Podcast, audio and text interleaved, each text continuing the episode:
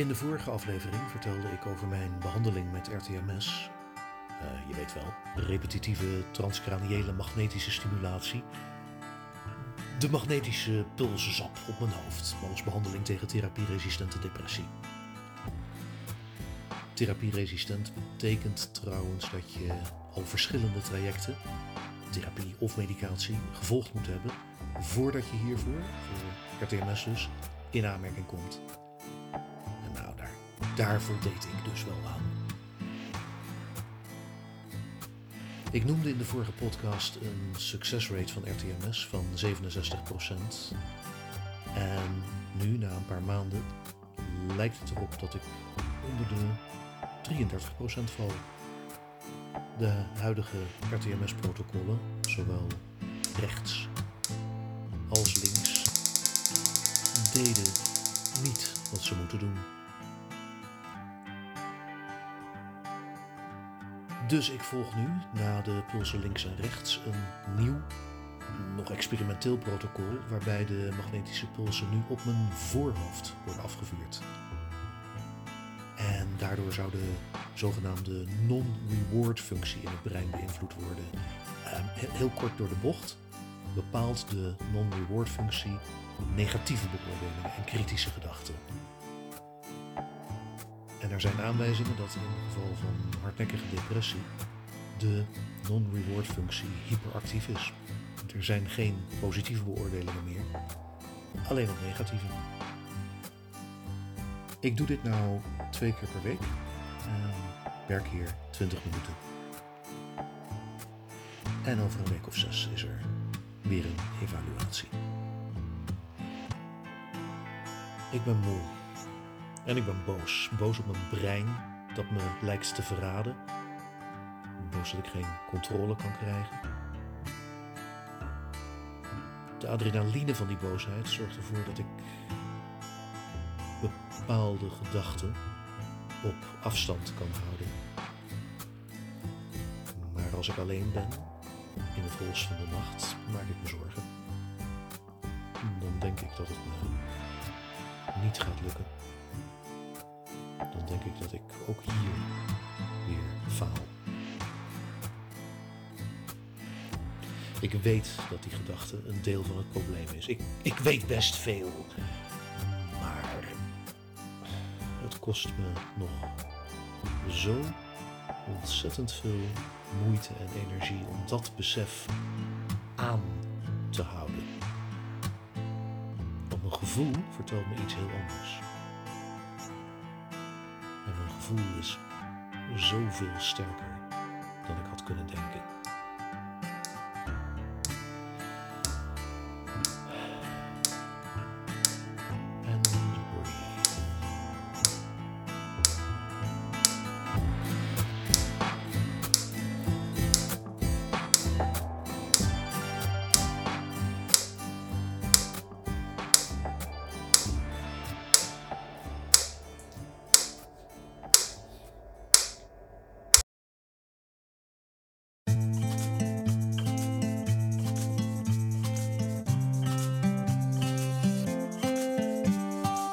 Is een podcast over schaamte en taboes.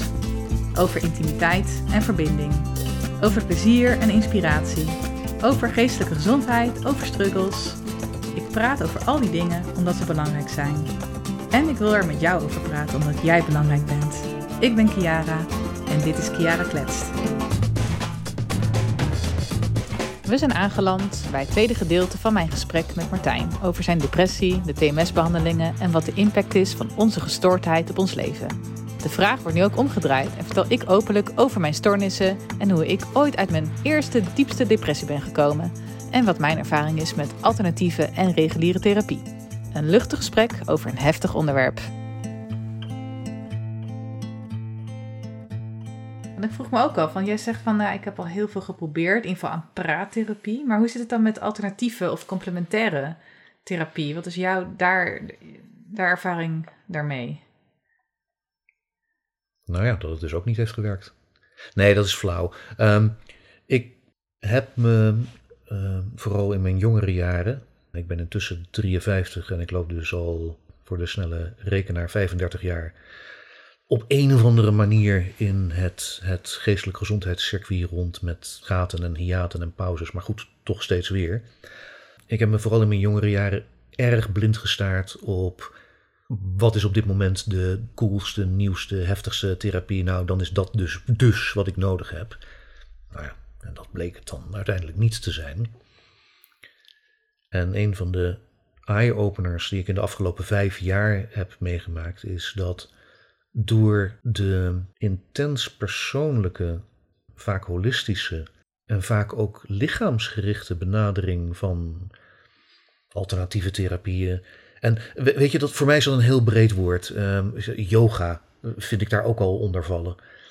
Dat dat zo'n ontzettend essentiële bijdrage levert in, een, in de inzichten waar, waar ik zelf tegenaan, van de, de blokkades waar ik zelf tegenaan liep. Um, hoe zaken met elkaar samenhingen. Even weer terugkomend op yoga. Via verschillende yoga oefeningen en, en hoe noem je dat, leraren, coaches. Kwam ik erachter dat ik me lichamelijk, fysiek ontzettend geblokkeerd voel. En dat dat één op één doorwerkte op hoe ik me niet durfde te uiten. Niet letterlijk, niet durfde bloot te geven. Hoe, hoe een lastige relatie ik daardoor had ontwikkeld met mijn lijf. Wat weer ontzettend dat gevoel van minderwaardigheid voedde. Ben ik nog nooit mee bezig geweest. Dus je zit eigenlijk pas sinds jaar vijf ben je bewust ook van de relatie met je, met je lichaam. Dat dat je geest ook verbonden is met je lichaam. Ja, en daar heb, Ik, daar heb ik echt, en die weg zal voor iedereen anders zijn. Maar voor mij heb ik dat echt puur en alleen te danken aan het feit dat ik verder ben gaan kijken. En ook dacht van, joh, weet je, ik heb alles geprobeerd in het reguliere circuit. Waarom zou ik niet ook eens een, een, een truffeltrip doen? Waarom zou ik niet ook eens een, een intimacy coach erbij betrekken om te kijken waarom ik daar tegen dingen aanloop? Het, het is een van de belangrijkste hulpmiddelen die ik mezelf heb toegestaan.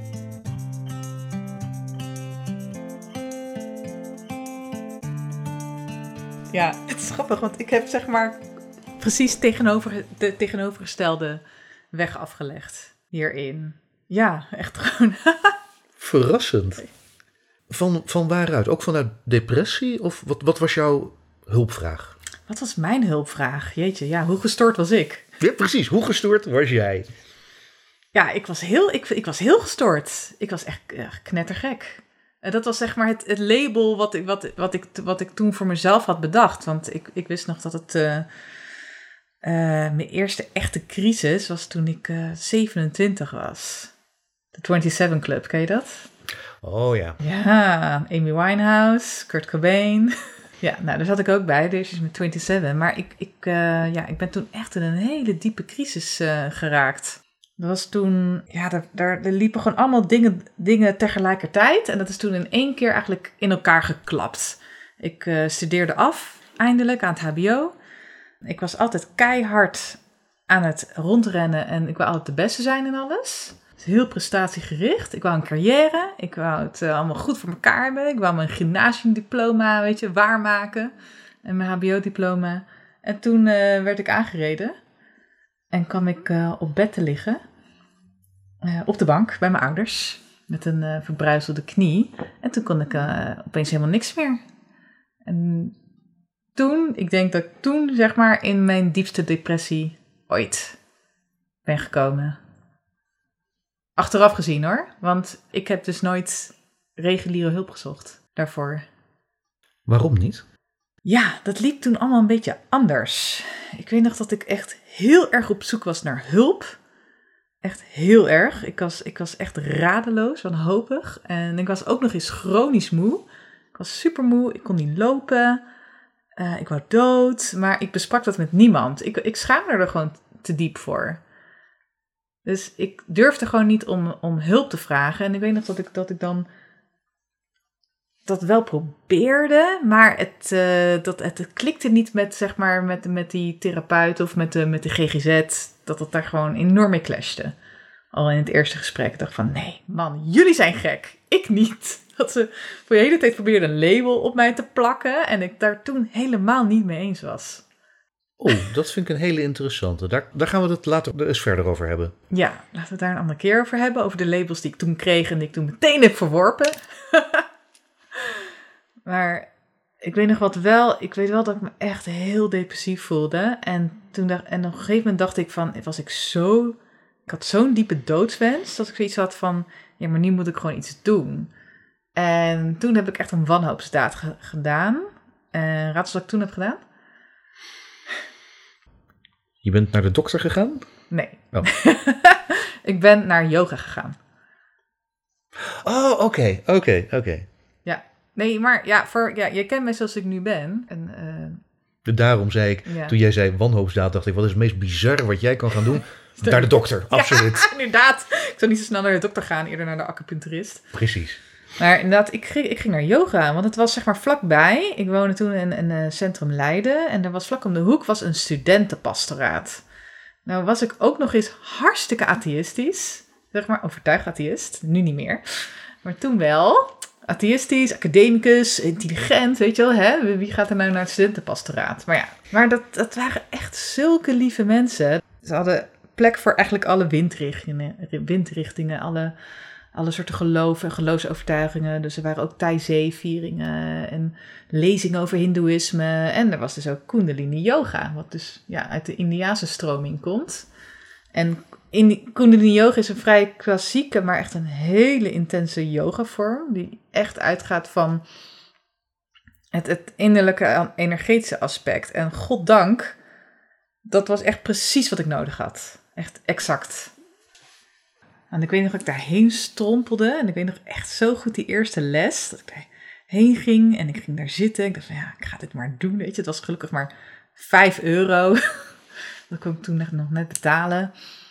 En er zat een vrouw, helemaal in het wit, met een witte tulband. Ze zag er prachtig uit. Het was een soort engel, was het. En ik ging daar zitten en ik vertelde haar... Ja, ze vroeg aan mij van hoe het ging. En er was eigenlijk iemand die inderdaad een beetje aandacht aan me gaf. En, gewoon, en ik zei van ja, ik kan eigenlijk niet zoveel. En zij zei helemaal goed joh. En dat was zo fijn. Ik denk dat ik gewoon de halve les eindelijk heb zitten huilen. En dat ik voor het eerst weer contact voel met mijn lichaam. En dacht van, oh, oh, dit gevoel. En de rest vond ik eigenlijk allemaal heel raar, eigenlijk. gewoon vreselijk raar. Ze gingen mantra's zingen en rare oefeningen doen met je tong uit je mond steken en hijgen. Ik snapte het allemaal niet. Maar wat ik wel, ik voelde heel diep voor het eerst mijn stem die zei: Ja, maar dit klopt, dit heb je nodig. En ik, toen dacht ik: Ja, ik ga dit maar doen.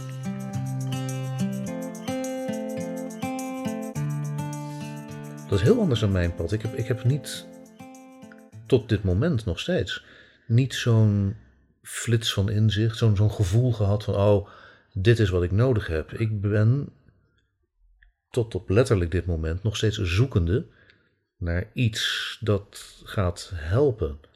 Ik heb het hele idee van een gevoel of een flits van inzicht heb ik losgelaten. Ik, ik ben op zoek naar genezing op zijn best of een kopingsmechanisme op zijn slechtst. Hoe is het bij jou zo aangeraakt? Wat is er bij jou zo aangeraakt dat je zo'n alomvattend idee, gevoel had van dit is het. Dit is waarmee ik verder kan. Dit is wat mij op mijn pad brengt. Dit is wat mij heel maakt. Ik heb volgens mij gewoon een heel, heel sterk, sterke innerlijke stem. Want ik wist bij al die reguliere uh, psychologen en, en therapeuten, voelde ik gewoon heel duidelijk, nee, nee, dit wil ik gewoon niet. En, en bij die Kundalini Yoga voelde ik gewoon de oprechte liefde en de oprechte aandacht voor mij, voor wie ik was. En dat is wat ik toen nodig had. Gewoon oprechte aandacht. En als je nu kijkt, wetend dat je op dit moment in ieder geval op, ja, op dat niveau heb je geen acute hulpvraag. Tenminste, ga ik vanuit. Heb je op dit moment een acute hulpvraag? Oh jezus, moeten we... Nee, voordat ik de vraag stel, want anders, Ja. anders slaat het nergens op. Nu, nu heb ik nu een acute hulpvraag. Ja, ik ben nog steeds gestoord, maar Sure, maar heb je er last van? heb ik er last van? Ja, ja, ik voel me best wel gehandicapt. Oké, Ja. vanuit, vanuit dat gevoel, Ja. ehm, hoe kijk jij nu aan tegen de reguliere hulp? Ja, ik, ik heel lang was ik daar best wel op tegen. tegen, tegen vooral van, nou ja, als het voor jou werkt, dan, dan zal het wel Mm. werken. Maar ik had er ook best wel een, een negatieve houding. Want het was alleen maar praten. Weet je, het is alleen maar hoofd, hoofd, hoofd, hoofd. Ik denk van, ja, wat heb je daaraan? Ja, want ik, ik, heb, ik heb jarenlang, zeg maar, Kundalini yoga gedaan, puur als zelftherapie. Ik heb jarenlang echt alleen ja, yogatherapie ook, zeg maar. Dus, dus dat je één op één yoga doet met een ja, yogatherapeut, yogacoach. Eh, ook allemaal niet regulier. En, en, op die manier gewoon echt via het lichaam heb ik gewoon echt al, al mijn issues heb ik echt maar aangepakt. Maar inderdaad, de, de, re- de reguliere zorg heeft mij tot nu toe gewoon niet zo heel veel gebracht. Maar ik weet dat afgelopen jaren er steeds meer inzichten zijn. Dat ook de reguliere zorg veel holistischer en vooral veel lichaamsgerichter is gaan kijken. Dus daar ben ik wel. Het gaat wel langzaam hoor, vind ik, met de inzichten. Dus ik hoop echt, ja. Ik, ik, ik kom nog steeds mensen tegen die geloven in praattherapie. Ja, Oh, en daar ben ik absoluut. echt heel, daar ben ik nog steeds heel verbaasd over. Dan denk ik van ja, oké, praattherapie, dat is ongeveer een topje van de ijsberg. En, en de rest zit daaronder. Daar, maar dat is mijn mening. En Oh, Je ziet me al kijken. ik zie je al kijken, maar ik, ik, ik weet dat er nu ook eh, veel onderzoek wordt gedaan naar het, naar het effect van trauma op het hele lichaam. Maar dat is gewoon veel groter dan we dachten. Je kan een trauma, en ja, ik ben vooral veel, zelf veel bezig geweest met eh, traumaverwerking. eh, bij mezelf en bij mijn cliënten. Is dat trauma gewoon echt in je lichaam zit en in je zenuwstelsel. Het zit, zit, overal dan en niet, niet in je gedachten. Je gedachten zijn. zijn eh, Ik ben het meer met je eens dan je misschien zou denken. Nu 2023, 25 jaar geleden, had ik al te maken met een, een interdisciplinair regime van therapie. Waarvan toegegeven praattherapie, red, rationeel, emotieve therapie. Zeg maar het aanpakken van, van hoe je denkt over incidenten. Dus het, het omdraaien van gedachten. eh, was wel de hoofdmoot. Maar werd zeer gesteund door door andere onderdelen als creatieve therapie en sporttherapie. Die allebei echt helemaal niets met praten te maken hadden. Hm, dat zeg ik iets te snel. Ik herinner me dat aan het eind van creatieve therapie iedere keer besproken moest worden wat we gemaakt hadden en waarom we het gemaakt hadden. Dus werd toch wel gepraat. Maar het, het doen aan zich werd wel als het doel gezien. Ik heb juist het, heel erg het gevoel dat, en misschien heeft het iets met bezuinigingen te maken. Nee, goed, weet ik niet. Ik heb zelf heel erg het gevoel dat die aspecten in de reguliere zorg een heel stuk minder aan het worden zijn en dat er juist vroeger veel serieuzer mee omgegaan werd. Ik ben nu uit mezelf eh, bij een vrijgevestigd creatieve therapeut psychotherapie ook aan het volgen, die ik heel bewust daarop heb uitgekozen. Omdat ze niet als primaire, geloof me, we praten nog steeds een- een- een 30 kilometer in het rond, maar zij heeft niet als primaire insteek dat het om het praten en de analyse gaat. Sterker, als ik een te groot verhaal ophang, dan, dan duwt ze me een bon klei in de handen. Of, of een kleurstift van, eh, shut up, teken het maar. Hou je bek, ga iets bouwen. Ja, en, Ja. Misschien, en het wordt dan misschien meer een eh, politieke kwestie. Het, is, het klopt inderdaad dat de GGZ gewoon hartstikke overwerkt zijn. En ik feit. ben, ja, dat is een feit, inderdaad. En dat inderdaad, ik zie echt wel goede mensen bij de GGZ, want die, zit, die zaten vroeger bij mij in de yogales. Ik heb heel veel les gegeven aan, zeg maar, psychologen, therapeuten, huisartsen. En die zaten bij mij in de les. Want mijn yogastudio zat echt zo, gewoon naast het LUMC. En dat die mensen echt stuk voor stuk zeiden: ja, het is gewoon te druk. Het is gewoon te druk. Ik heb gewoon 60 minuten per patiënt, 10 op een dag. Ik ben aan het eind van de dag kapot. En dat de GGZ gewoon, ja, en denk misschien in jouw tijd, eh 20 jaar geleden, gewoon veel meer middelen had. En dat die eigenlijk allemaal zijn afgekalfd. Ik, ik ben er een beetje bang voor. Ik weet het niet, want ik ben sindsdien nooit meer daarmee in aanraking gekomen. Althans niet via het GGZ-circuit. Maar ja, goed, het, ja, het was me wel opgevallen. Ja, en ik vind het zo jammer dat er dan nog steeds wordt gekeken naar alternatieve therapie. Als iets van, oh ja, dat is iets wat, dat is, dat is uh, ja, te spiritueel of kwakzalverij of uh, zonde van je geld of ik weet niet of het werkt. Ja, volgens mij. Uh, Als dat het ja. is, dan, dan is het het. Ik ben realistisch genoeg om te beseffen dat er op zijn allerminst iets van een herhaald of herhaalbaar effect moet zijn. Wil je mensen ervan overtuigen dat iets genezend is? Er moet dus op zijn minst een, een realistische verwachting zijn. Wat ik veel meer heb gemerkt bij het aanhaken bij de wat meer alternatieve therapie, is dat ik eigenlijk donders goed wist wat ik intussen miste. Wat ik nog nodig had als aanvulling op nou de therapieën die ik al geprobeerd had. En alle dingen die ik intussen wel wist. Waar ik al met honderd therapeuten over had gepraat. Ik was juist op zoek naar datgene waar voor mij de deuren nog dicht waren, waar ik niet bij kon. Dus ik had een heel duidelijke en gerichte vraag. En dat hielp mij ontzettend om in het alternatieve circuit mijn weg te vinden tussen de kwakzalvers. En dat zijn er echt meer dan. Er zijn heel veel, heel veel goedbedoelende, allerliefste mensen. Die echt geen idee hebben wat ze aan het doen zijn. Het klinkt wel goed of zo. En dan zijn er drie wazige figuren omheen. die dan zeggen: ah, Dit voelde zo bevrijdend. Ja, dan heeft iedereen is weer blij met elkaar. Daar kan ik niks mee. Maar precies die persoon die mij kan raken op het pijnpunt van mijn lijf, wat ik eerder aangaf, die daar zo gericht op gaat zitten, waarbij ik constateer van, inderdaad, daar zit iets waar ik nog nooit iets mee gedaan heb. Ja, dan kun je toch niet zeggen dat is, dat is zonder waarde. Betekent niks, dat is kwakzalverij. Nee, dat heeft voor mij gewerkt. Ja. En dat is niet iets dat ik verzin, het heeft mij dat aanknopingspunt aangereikt.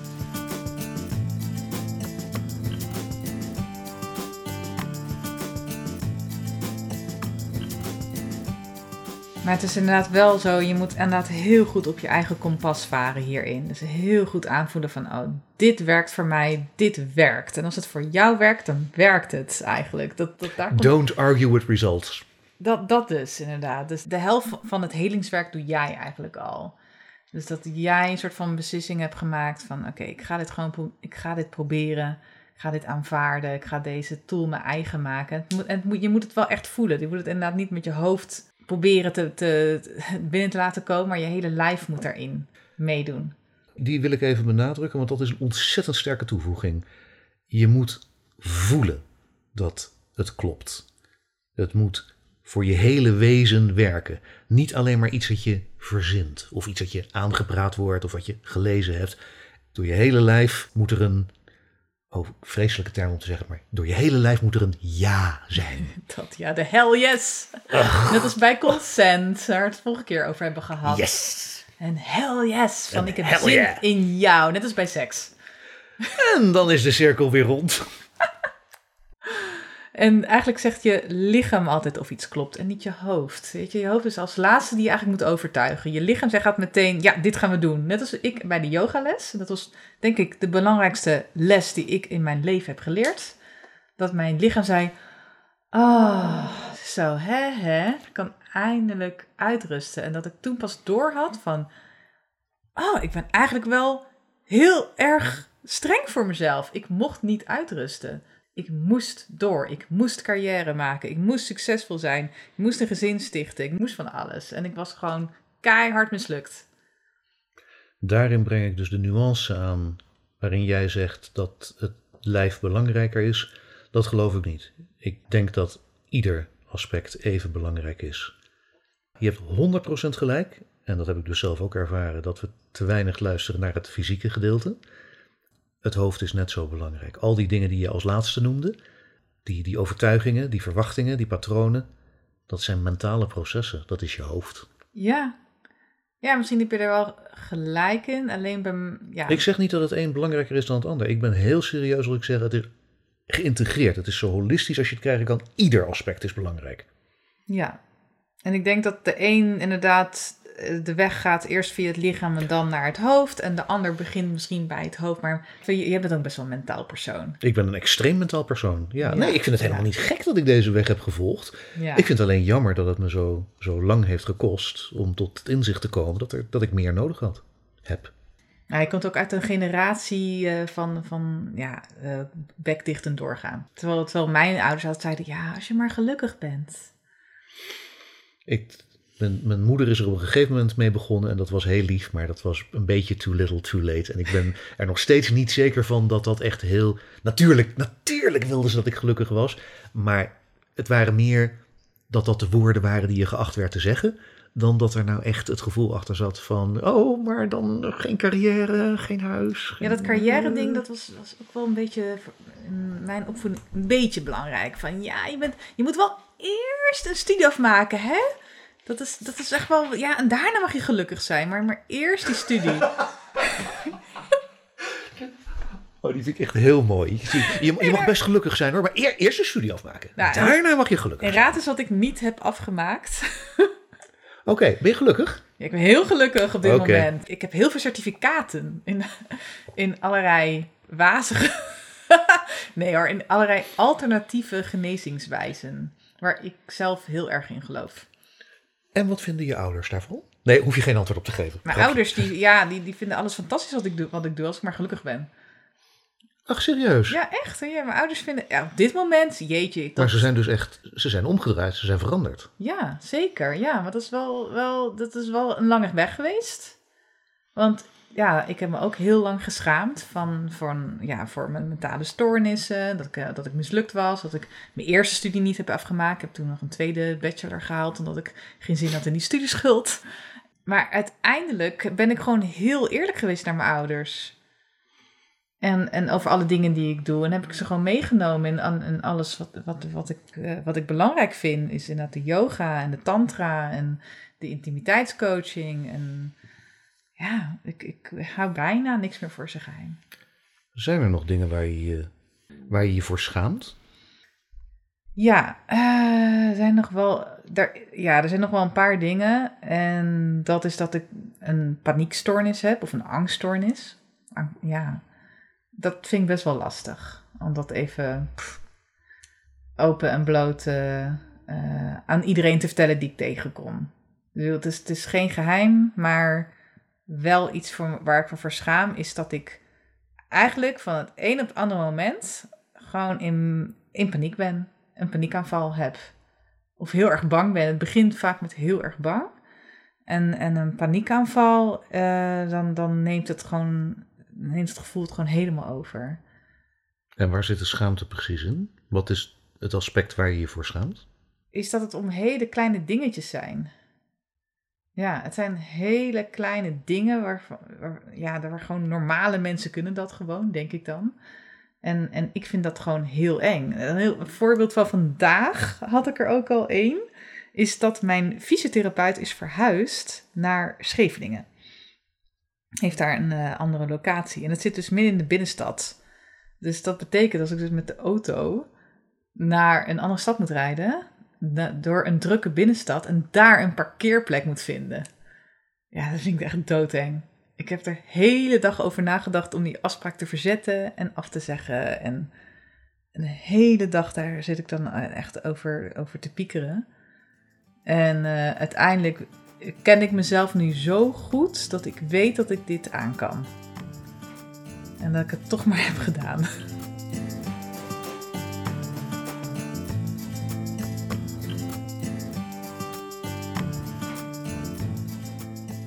Vanuit de weg die je hebt afgelegd, heb jij tips of tricks, suggesties, hulpmiddelen voor mensen die ook met schaamte, met moeite door een geestelijke aandoening zich aan het heen worstelen zijn?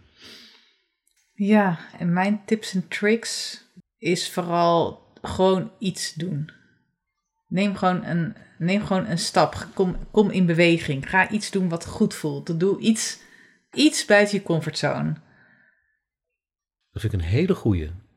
Helemaal als je aan het begin van een proces staat, als het geheel nog te groot is om te overzien of het eind nog niet in zicht, dan kan het doen al het doel zijn. Het feit dat je het doet, is op dit moment al goed genoeg. En voor Ik jou? wil, ja, eh, ik wil het net zeggen. Ik, ik wil hem specifiek vanuit de depressie een klein beetje nuanceren. Terwijl het wel op hetzelfde neerkomt. Om je te concentreren, om je niet op het einddoel vast te zetten. Ik, ik denk dat dit voor heel veel mensen met een depressie geldt. Het is een, een hele grote grijze wolk. En het einde daarvan is om heel veel redenen ontzettend intimiderend en angstig. Want misschien is er geen einde. Misschien is er een afschuwelijk einde. Misschien willen we geen einde, want ergens vinden we ook een zeker comfort in de angst die we kennen. Hoe dan ook, het focus op het einde is absoluut datgene wat je gaat blokkeren. Concentreer je op de stapjes. Zorg ervoor dat je één stap voor de andere zet, dat je één voet voor de andere zet. En dat is al genoeg. Het gaat erom dat je onderweg bent. Dus het sluit eigenlijk heel erg aan op wat jij zegt. Als je iets hebt gevonden waarvan je denkt, nou ja, dit zou kunnen werken, ga niet meteen je blind op wat het zou moeten opleveren en wat het aan het eind zou moeten zijn en wat je daar wel weer niet moet inleveren. En, eh, nee, doe de deur eens open en constateer dat je de deur voor het eerst weer eens een keer hebt open gedaan. Ja, dat inderdaad. Je moet niet te ver vooruit kijken. Niet denken van, oh ja, ik moet hier uitkomen. En, want je ziet inderdaad helemaal geen licht. Het is gewoon donker, donker, donker. Dus kijk maar gewoon van, wat voelt vandaag gewoon een klein beetje goed. Dat. Ja, En ik merk hoe, hoe zwaar het me ook valt, hoe eenzamer ik me ook nog voel in de depressie, hoe zeer ik er ook ten diepste fysiek van overtuigd ben dat ik eigenlijk alleen ben, blijk ik iedere keer opnieuw toch weer iets te halen uit connectie. Dus hoe moeilijk het ook is, en het is fucking moeilijk, geef het contact niet op. Ik weet dat je die telefoon niet kan oppakken, als je dan met iemand samen zit en het is een leuk gesprek, het is oké om je daar goed over te voelen.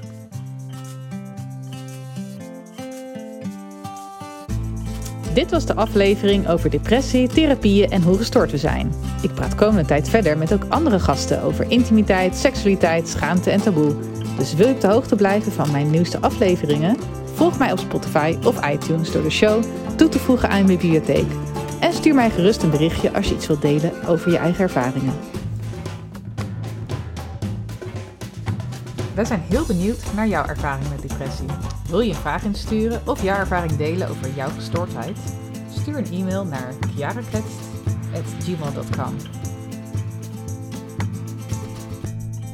Tot de volgende keer.